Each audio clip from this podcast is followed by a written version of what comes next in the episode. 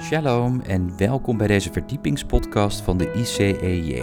Mijn naam is Joshua Beukers en samen met Jacob Keegstra gaan wij weer een verdieping zoeken van de Hebreeuwse wortels van ons christelijk geloof. In aflevering 210 gaan wij verder met het Israël Weekend van 2023. Israël komt thuis, deel 3, samen met Kees Kant. Wij wensen u veel luisterplezier. Jacob. Is altijd een, eh, een collega die eh, altijd zo vol verwondering kan spreken. Vind ik altijd mooi aan Jacob. U kent hem misschien ook wel beter dan ik, maar hij kan altijd zo, alsof het evangelie ineens zomaar vandaag zomaar nieuw verkondigd is. Altijd een man vol verwondering, alles behalve saai. Ik zal me kort voorstellen, ik ben Kees Kant, 28 jaar predikant in de protestantse kerk, op allerlei verschillende plaatsen, maar sinds vijf jaar, 2018, vrijgesteld door de kerk om leiding te mogen geven aan de buitenlandse activiteiten van Christenen voor Israël. Ja, ja. Ik hoop dat dat blijft, ja. Ehm, de buitenlandse activiteiten van Christen voor Israël. We zitten in 43 landen. Fiji-eilanden in het meest oosten, Brazilië in het meest westen. En vooral buiten Europa merken wij een enorme belangstelling onder christenen voor de Bijbelse boodschap over Israël. En ehm, als ik misschien de draagbare microfoon pakken. Want hij blijft, hij blijft klemmen. Een beetje ombuigen, dat zou schelen. Scheelt dat? Ja? Oké. En ehm, wat mij nou opvalt is, ehm, ik ben dan weliswaar predikant de protestantse kerk, maar sinds ik dit werk doe, mag ik ook op zondag vaak voorgaan in evangelische gemeenten, baptistengemeenten. En vind ik het zelf altijd heel mooi. En zie ik het ook als een roeping om ook voor de, gewone kerkmensen ehm, duidelijk te maken wat de plaats van Israël in ons geloof is. En wat de, het belang van Israël is voor ons als christenen. Wat opvalt in kerken en gemeenten is vaak dat, dat je een kleine groep, eh, laat ik maar zeggen, pro-Israël mensen hebt. Die worden vaak gezien als de Israël-freaks of fanatici. Dan heb je altijd een enkele criticus die sterk pro-Palestijns is en erg kritisch is op Israël. En daartussendoor heb je de grote groep van mensen die eigenlijk niet met Israël bezig is. Met levende gemeenteleden, oprechte christenen, zetten zich in voor de kerk, voor organisaties enzovoort. Maar Israël, dan zeggen mensen, ja, ik, ik hou wel van de Heer Jezus, maar ik heb eigenlijk niks met Israël. En het is altijd zo boeiend om die mensen te bereiken, want de Bijbel spreekt honderden keren over Israël, ook in het Nieuwe Testament. En God, die wij God noemen, onze Vader in de hemel, noemt zichzelf de God van Israël. De God van Abraham, Isaac en Jacob. En onze verlosser, onze, onze, onze zaligmaker, onze Heer en Heiland, Jezus Christus. Hij wordt genoemd de koning der Joden. En hij wordt genoemd de koning van Israël.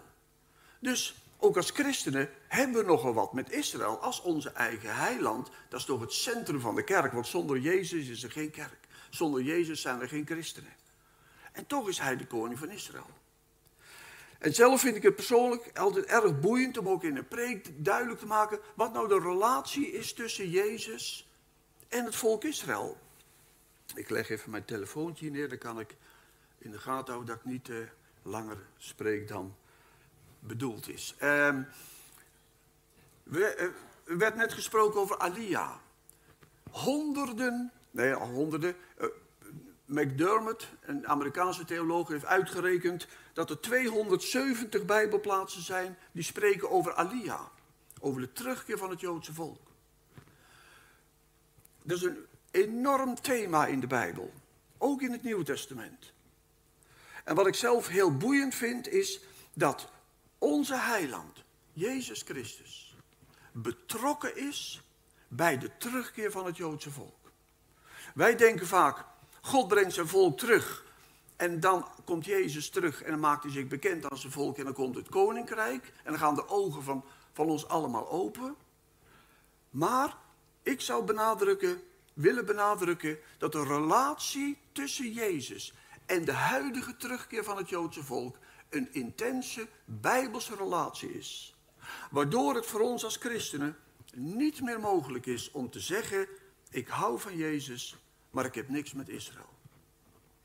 En daarom wil ik jullie graag eh, met jullie lezen een tekst uit Jesaja 49. In de, in de Bijbel wordt heel veel, in, vooral in het Jesaja-boek, wordt heel veel gesproken over de knecht des Heren, de dienaar van de Heer. En in de, op het ene moment is die dienaar van de Heer is Israël. Op het andere moment is het de Messias, de komende vredevorst. En sommige teksten lopen het zelfs door elkaar heen. Nou is Jesaja 49 een hele boeiende tekst, want in deze tekst spreekt de Heere God de dienaar van de Heer rechtstreeks aan. Dus het spreekt niet over hem, maar het spreekt hem rechtstreeks aan. Dat vinden wij best wel spannend, want 700 jaar voordat de Heer Jezus mens werd in Bethlehem, door moeder Maria, daarvoor was hij van eeuwigheid bij de Vader. Johannes zegt, en het woord was bij God, en het woord was God. En door het woord is alles geworden, en het woord is vlees geworden, en het heeft onder ons gewoond. Dus ook voordat hij vlees werd, was hij bij de Vader, één met de Vader, en sprak God hem aan. En dan lees ik met u Jezaja 49, vers 5 en 6. Ik weet niet of de tekst inmiddels... Ja. Dan moet je goed, goed kijken, want wat er gebeurt hier. Hè? Want de Heere God spreekt dus rechtstreeks tot het woord van God, de Zoon van God, van eeuwigheid bij de Vader, de knecht des Heren. Dan staat er, maar nu zegt de Heere die mij van de moederschoot aanvormde tot zijn knecht, om Jacob tot hem terug te brengen en om Israël tot hem vergaderd te doen worden. En ik werd geëerd in de ogen des Heren en mijn God was mijn sterkte. Hij zegt dan, het is te gering dat gij mij tot een knecht zoudt zijn om de stammen van Jacob weder op te richten en de bewaarden van Israël terug te brengen. Ik stel u tot een licht der volken, opdat mijn heil rijke tot het einde der aarde. Hier krijgt de knecht des Heren, de dienaar van de Heer, twee opdrachten van God. 600, 700 jaar voor Christus. Twee opdrachten. En de eerste opdracht is een licht te zijn voor de wereld en het heil van God te brengen tot het einde der aarde. Nou, dan hoef je aan geen enkel lid van een kerk of gemeente te vragen wie is dat. Dan zeggen we allemaal of we nou katholiek zijn of protestants of baptist of evangelisch of welke gemeente u hoort. Dan zegt iedereen, dat is de Heer Jezus. Dat is de Messias, de vredevorst. Want hij is het licht en het heil van God tot het einde der aarde. Jezus zegt zelf, ik ben het licht van de wereld. Dus hij refereert aan deze tekst. Maar hij krijgt ook nog een andere opdracht, namelijk de stammen van Jacob weer op te richten en de verstrooide kinderen van Israël terug te brengen naar het land. Je ziet dus, als de Heere God in talloze profetieën zegt dat hij aan het einde der tijden zijn volk zal terugbrengen naar het land, dan delegeert hij die opdracht aan de Messias, aan de vredevorst, aan Jezus. En het interessante is dat in die 30 of 33 jaar dat de Heer Jezus op aarde was, vanaf zijn geboorte in Bethlehem tot aan de dag van zijn hemelvaart, heeft Jezus zich nooit bezig gehouden met Alia. Jezus heeft het volk Israël opgeroepen terug te keren tot de God van Israël, terug te keren naar de Torah, het woord van God. En gereed te zijn voor de komst van het koninkrijk. Want het koninkrijk is nabijgekomen. Dat is wat Jezus deed. En wat hij deed, is zijn verzoeningswerk volbrengen. Hij heeft de Torah volbracht. En hij heeft het verzoeningswerk volbracht. Hij is gestorven aan het kruis. Op Golgotha voor al onze zonden, voor de zonden van Israël en voor de zonden van ons. Hij is opgestaan uit de dood om de dood te overwinnen. Hij is opgevaren naar de hemel, zit aan de rechterhand van de Vader. Hem is gegeven alle macht in hemel en op aarde. Maar hij is nooit bezig geweest met Alia. Dus deze tekst in Jesaja 49, ofwel we gaan hem vergeestelijken, maar dat is, dat, zo gaan we niet met de Bijbel om. Of we passen, wat ook heel vaak gedaan is, we passen de tekst toe op de terugkeer uit de ballingschap van in de zesde eeuw voor Christus. Maar dat past ook niet bij de Messias die het licht der wereld is. Of we nemen de tekst zoals het hoort serieus en zeggen, dit moet nog gebeuren. En dan is het wel heel boeiend dat wij in een tijd leven, sinds het einde van de 19e eeuw, zeg maar zo'n 130, 140 jaar geleden, dat Joden na 2000 jaar ballingschap, en als je de ballingschap van Babylonië en Assyrië voor de tien stammen meetelt, dan tellen we er nog een 700 jaar bij.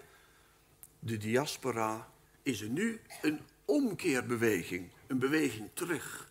Een beweging waar jaarlijks zo'n 30.000 Joden en vorig jaar maar liefst eh, 70.000 Joden wereldwijd terugkeren naar het land Israël.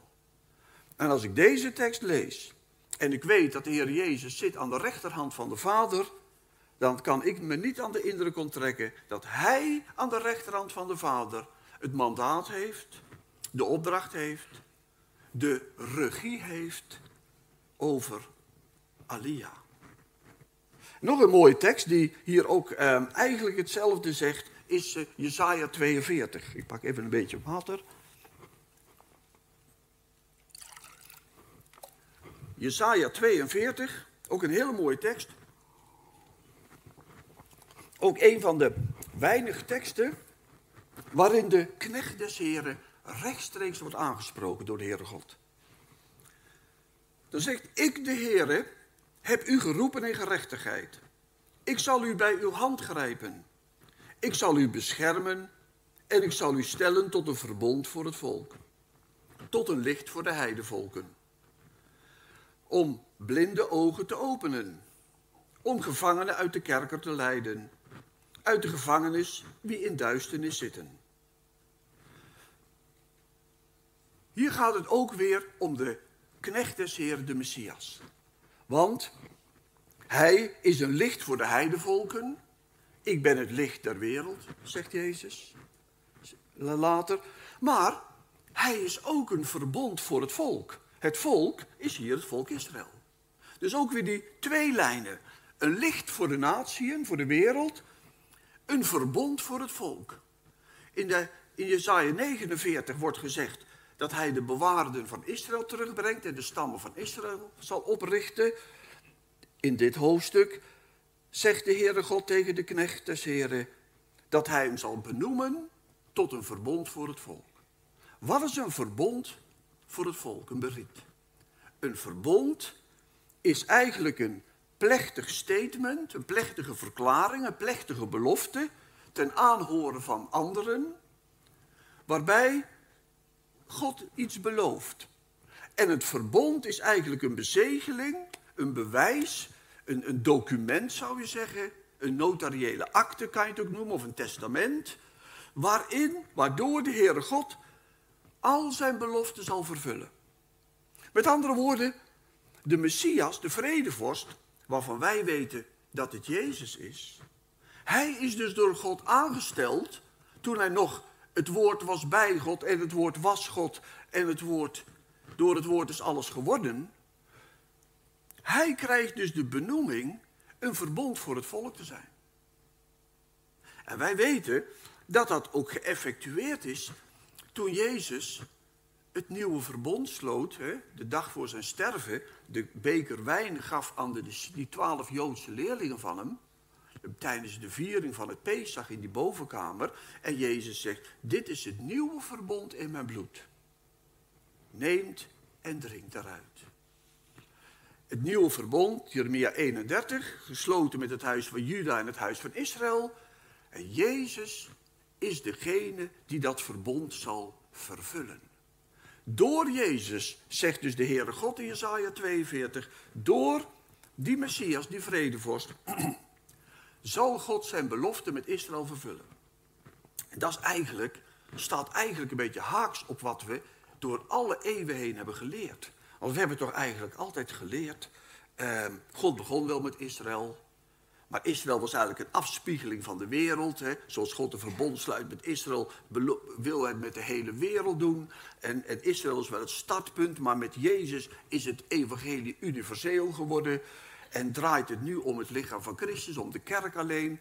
En eh, alles is veranderd. Israël heeft niet meer de betekenis van toen. Wij hebben eigenlijk die plek overgenomen als gemeente.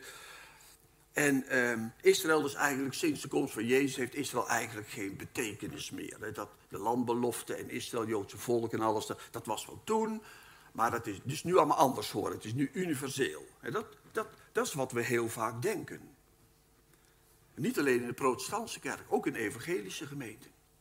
Ik weet nog wel dat ik een keer uitgenodigd was in evangelische gemeente. En eh, dat de voorganger na de dienst tegen mij zei van nou, we hebben wel wat discussie gehad. Ik zeg, hoezo? Nou, er was uh, kritiek gekomen van waarom nodigen jullie iemand uit om over Israël te preken? Laat de Joden zich eerst maar eens tot Jezus bekeren. Dan zien we wel weer verder. En dus, um, het zit overal heel lastig. Maar nou is het bijzondere dat Jezus, met die komst van Jezus is het dus niet afgelopen met Israël. Nee, Jezus is het verbond voor het volk. Door Jezus gaat God al zijn beloften vervullen. Ook de belofte van de terugkeer. Dus hij zit aan de rechterhand van de Vader. En hij heeft het heel druk. Met alles wat er gebeurt. Hij heeft het heel druk. En weet u wat zo mooi is? En als ik dan zeg, in een, in, ik doe dit ook regelmatig in een preek vertellen, wat het mooie van een kerkdienst is, kijk hier zitten alle Israëlvrienden in het weekend, Israëlweekend. En, als we, en dat geldt niet alleen voor ICEJ, maar dat geldt ook voor Christen voor Israël. Als wij een lezing hebben in het land, dan heb je daar vaak de notoren Israëlvrienden. Um, maar in een kerkdienst, dan heb je de hele gemeente. Dat is de prachtigste gelegenheid om over de betekenis van Israël te spreken. En weet u wat er nou gebeurt met die tekst uit Jezaja 49? Die komt drie keer terug in het Nieuwe Testament. Drie keer wordt die tekst herhaald. En dan vooral met het punt van die terugkeer van het Joodse volk en de taak van de Heer Jezus daarbij. En dat vind ik zo geweldig, dat dit dus terugkomt in het Nieuwe Testament, want dan hoef je niet meer te discussiëren over exegetische vragen als hoe leg je nou die teksten uit Jezaja uit? Nee, het Nieuwe Testament helpt ons erbij hoe we die exegetisch uitleggen. Want drie keer komt die tekst terug. En de eerste keer, en dat is een eye-opener, was voor mij ook een eye-opener, is dat moment dat Jezus geboren is. En dan is Jezus een week of vijf, zes oud. En dan is Maria hersteld van de bevalling. En dan zijn de bloedingen opgehouden en is ze rein. En dan, mag, en gaan ze het kindje Jezus voorstellen, opdragen aan God in de tempel. En dan gaan Jozef en Maria naar de tempel toe met dat kleine kindje Jezus, een paar weken oud, om hem voor te stellen zoals de wet zegt. En dan ontmoeten ze daar Simeon. En Simeon is een godvrezend, diepgelovig man. En door de Heilige Geest heeft God aan Simeon duidelijk gemaakt dat hij niet zal sterven voordat hij de Messias met eigen ogen zal zien. En het gebeurt. Laten we lezen Lucas 2 vanaf vers 26. En zie, er was een man in Jeruzalem van wie de naam Simeon was. En die man was rechtvaardig en godvrezend en hij verwachtte de vertroosting van Israël. En de Heilige Geest was op hem. En hem was een goddelijke openbaring gegeven door de Heilige Geest, dat hij de dood niet zou zien voordat hij de gezalfde van de Here zou zien. En hij kwam door de Geest in de tempel, en toen de ouders het kind Jezus binnenbrachten om het hem te doen volgens de gewoonte van de wet, nam hij het in zijn armen, loofde God en zei, nu laat u, Heere, uw dienstknecht gaan in vrede volgens uw woord. Want mijn ogen hebben uw zaligheid gezien, die u bereid hebt voor de ogen van alle volken.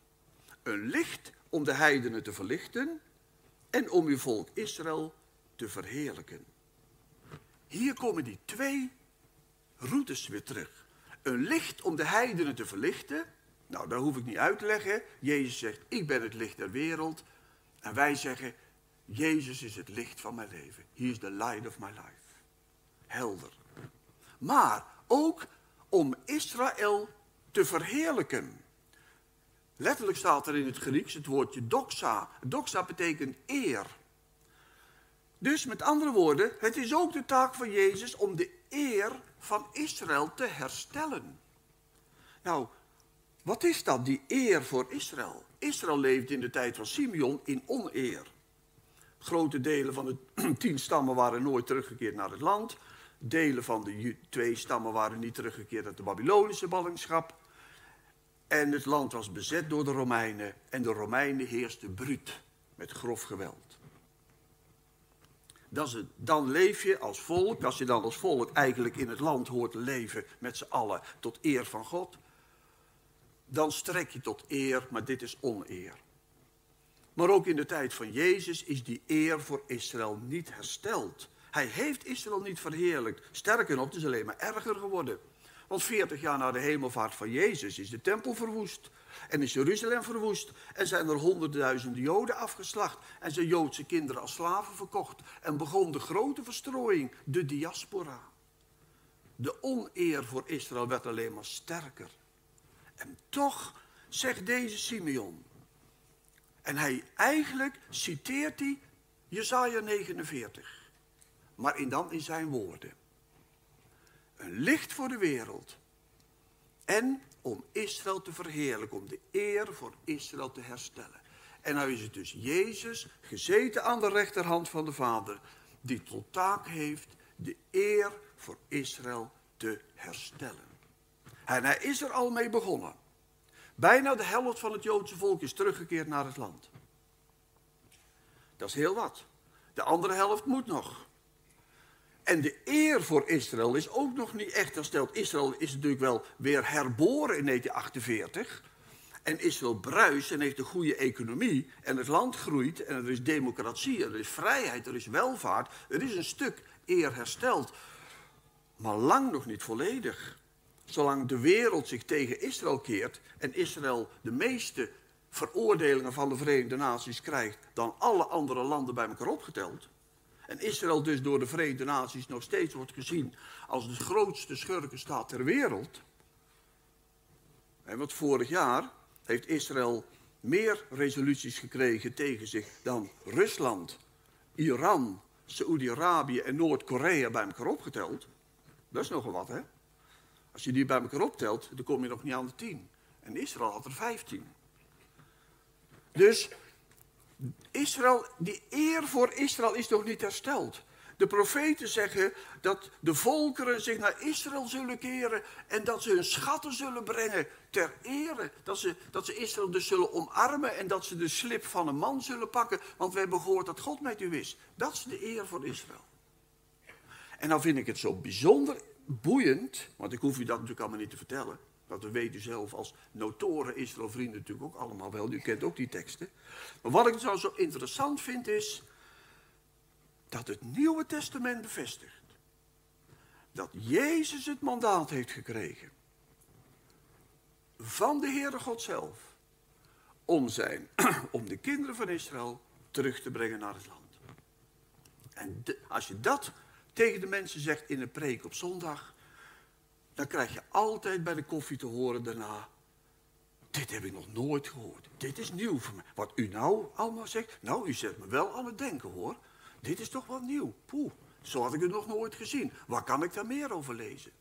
Boeiend is dat, hè?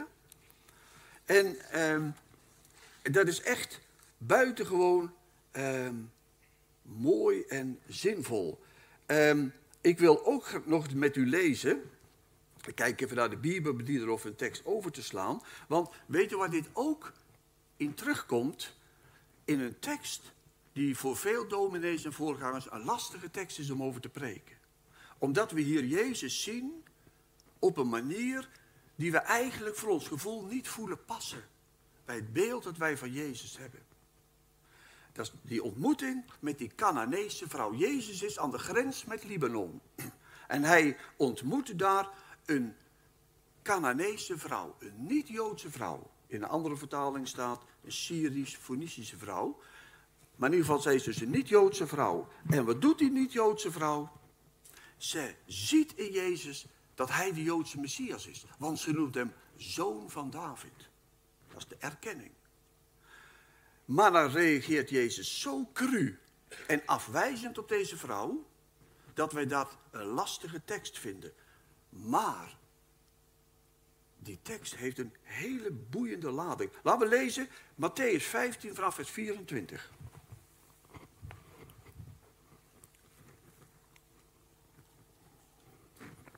Volgende. En zie, een Canaanese vrouw die uit dat gebied kwam, riep naar hem: Heere, zoon van David, ontferm u over mij, mijn dochter is ernstig door een demon bezeten. En Jezus antwoordde en zei: Ik ben alleen maar gezonden naar de verloren schapen van het huis van Israël. Hij wijst haar dus af. Maar zij kwam dichterbij, knielde voor hem neer en zei: Heere, help mij. Hij antwoordde echter en zei: Het is niet behoorlijk het brood van de kinderen te nemen en naar de hondjes te werpen. Dat is, dat cru, hè? Ben je vrouw in nood, in grote nood. Je erkent hem als de zoon van David. Je doet een beroep op hem, je houdt aan. En hij noemt haar eigenlijk een hond. Dan zouden wij heel beledigd zijn. Je zou misschien iemand voor de rechter kunnen dagen wegens kwetsing als je iemand publiekelijk een hond noemt. Maar wat gebeurt er? Zij zei, ja heren, ze erkent het. Ze geeft toe. Ja heren, maar de hondjes eten ook van de kruimels die er vallen van de tafel van hun bezitter. Toen antwoordde Jezus en zei tegen haar, o vrouw, groot is uw geloof. Het zal gebeuren zoals u wilt.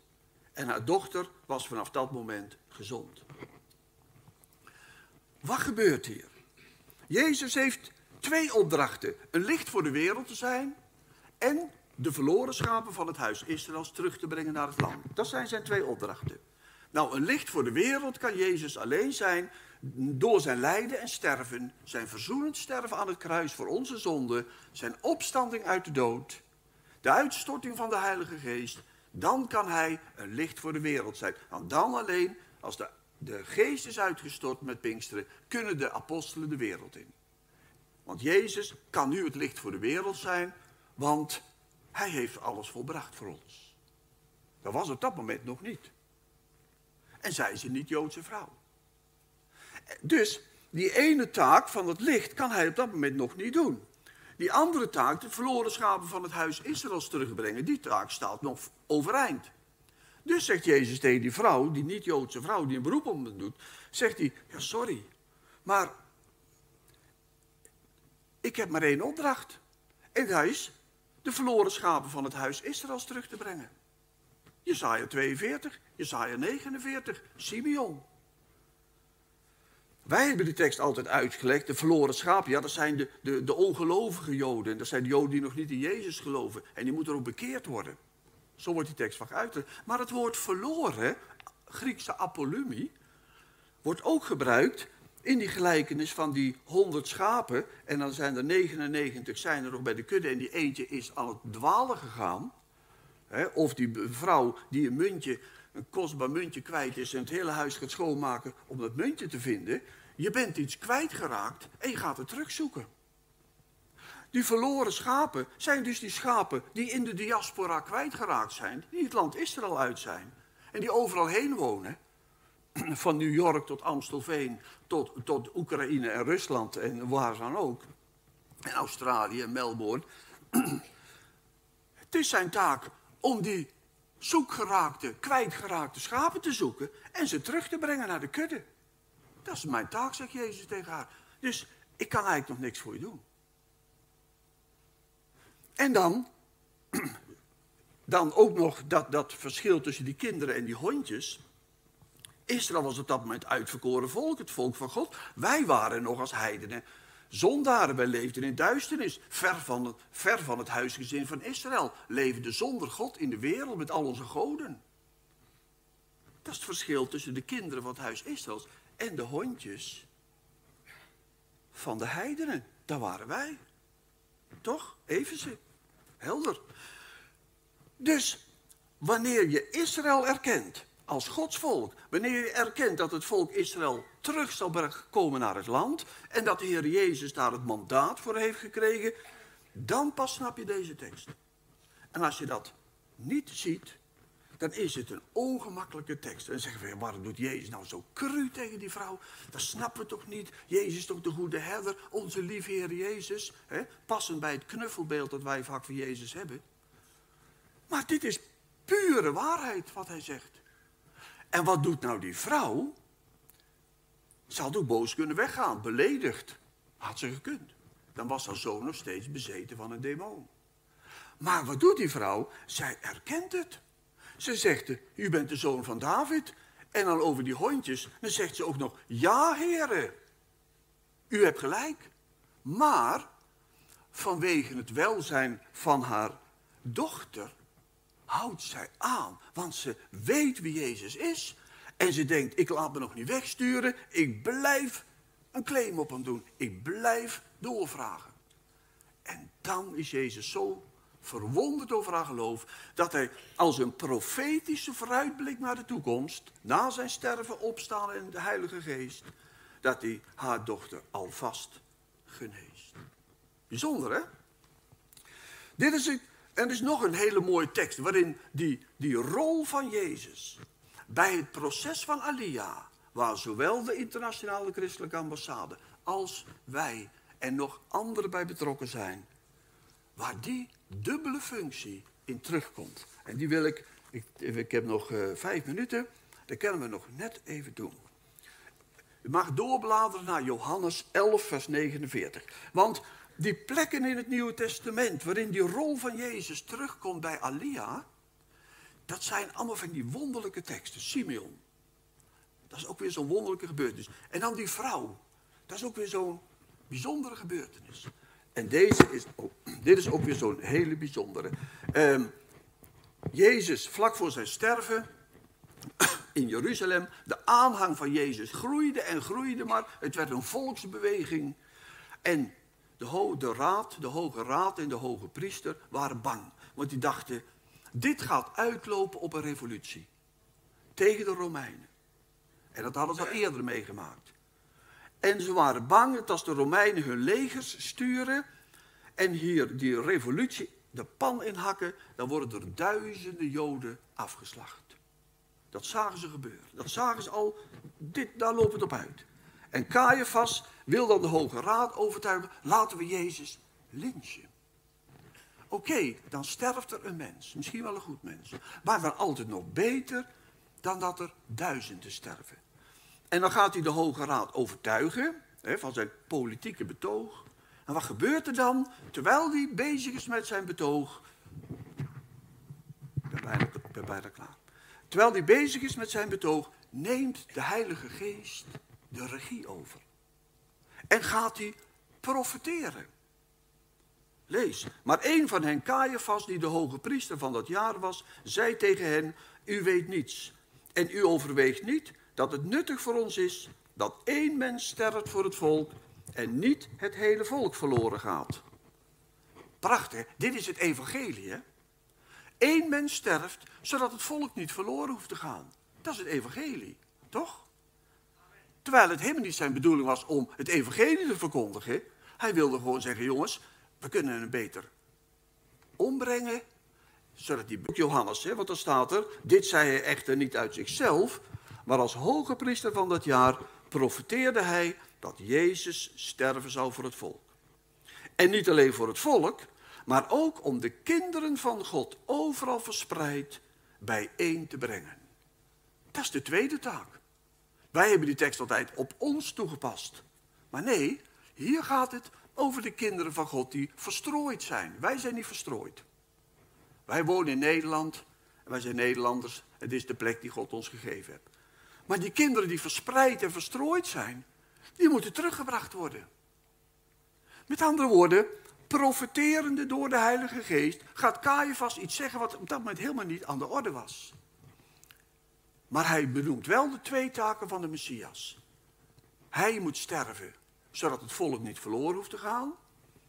En hij zal de verstrooide kinderen Israëls terugbrengen naar het land. Drie keer. Er zijn nog meer teksten die hierop kan betrekken. Maar drie keer dat dat mandaat, dat de knecht des Heren, Jezus, de Messias, kreeg om het volk terug te brengen naar het land en het einde der tijden en hij is er nu mee bezig en wij zijn er getuigen van. En onze overgrootouders niet. Wij wel. Dat is het voorrecht. Wij zien het. Dus kunnen we in de kerk niet meer zeggen: ik, geloof, ik hou van Jezus, maar ik heb niks met Israël. Dat werkt niet meer. En Wij mogen de kerk, Jezus Christus is het fundament van de kerk. Voor de katholieken, voor de protestanten, voor de baptisten, voor de evangelischen, de pinkstergemeente en alle gemeenten waar u ook bij mag horen. Jezus Christus is het fundament. En hij is de zoon van God en hij is de koning der Joden en hij is de koning van Israël en hij is de heer van uw gemeente, het fundament. En hij heeft zijn handjes vol aan het terugbrengen van het Joodse volk. Dankjewel. Jacob, precies op een minuut af, een half uur. Ik wil nog even zeggen, als u mij nou straks niet meer bij het eten ziet, denkt u niet, nou hij komt alleen maar onze woordje doen, dan is hij weer weg. Maar ik ga vanmiddag naar Oekraïne, want er gaan 30 tieners, Joodse tieners op Alia. En we gaan ze wegbrengen naar het vliegveld en we gaan ze filmen en fotograferen. Ze gaan op het Naaleh-project. Er is trouwens ook de internationale ambassade bij betrokken bij hetzelfde project. Dus het is eigenlijk ook weer iets wat uh, gezamenlijk gebeurt. En, uh, dus daar gaan we opnames maken, dus ik moet vanmiddag weg vandaar. Maar het was me een uh, genoegen en een voorrecht om bij jullie te mogen zijn. Dankjewel. Bedankt voor het luisteren naar deze verdiepingspodcast van de ICEJ. Waardeert u onze podcast? Steun ons dan. Dat kunt u doen door een donatie of door deze podcast te delen met uw vrienden of familie. Ga hiervoor naar icej.nl.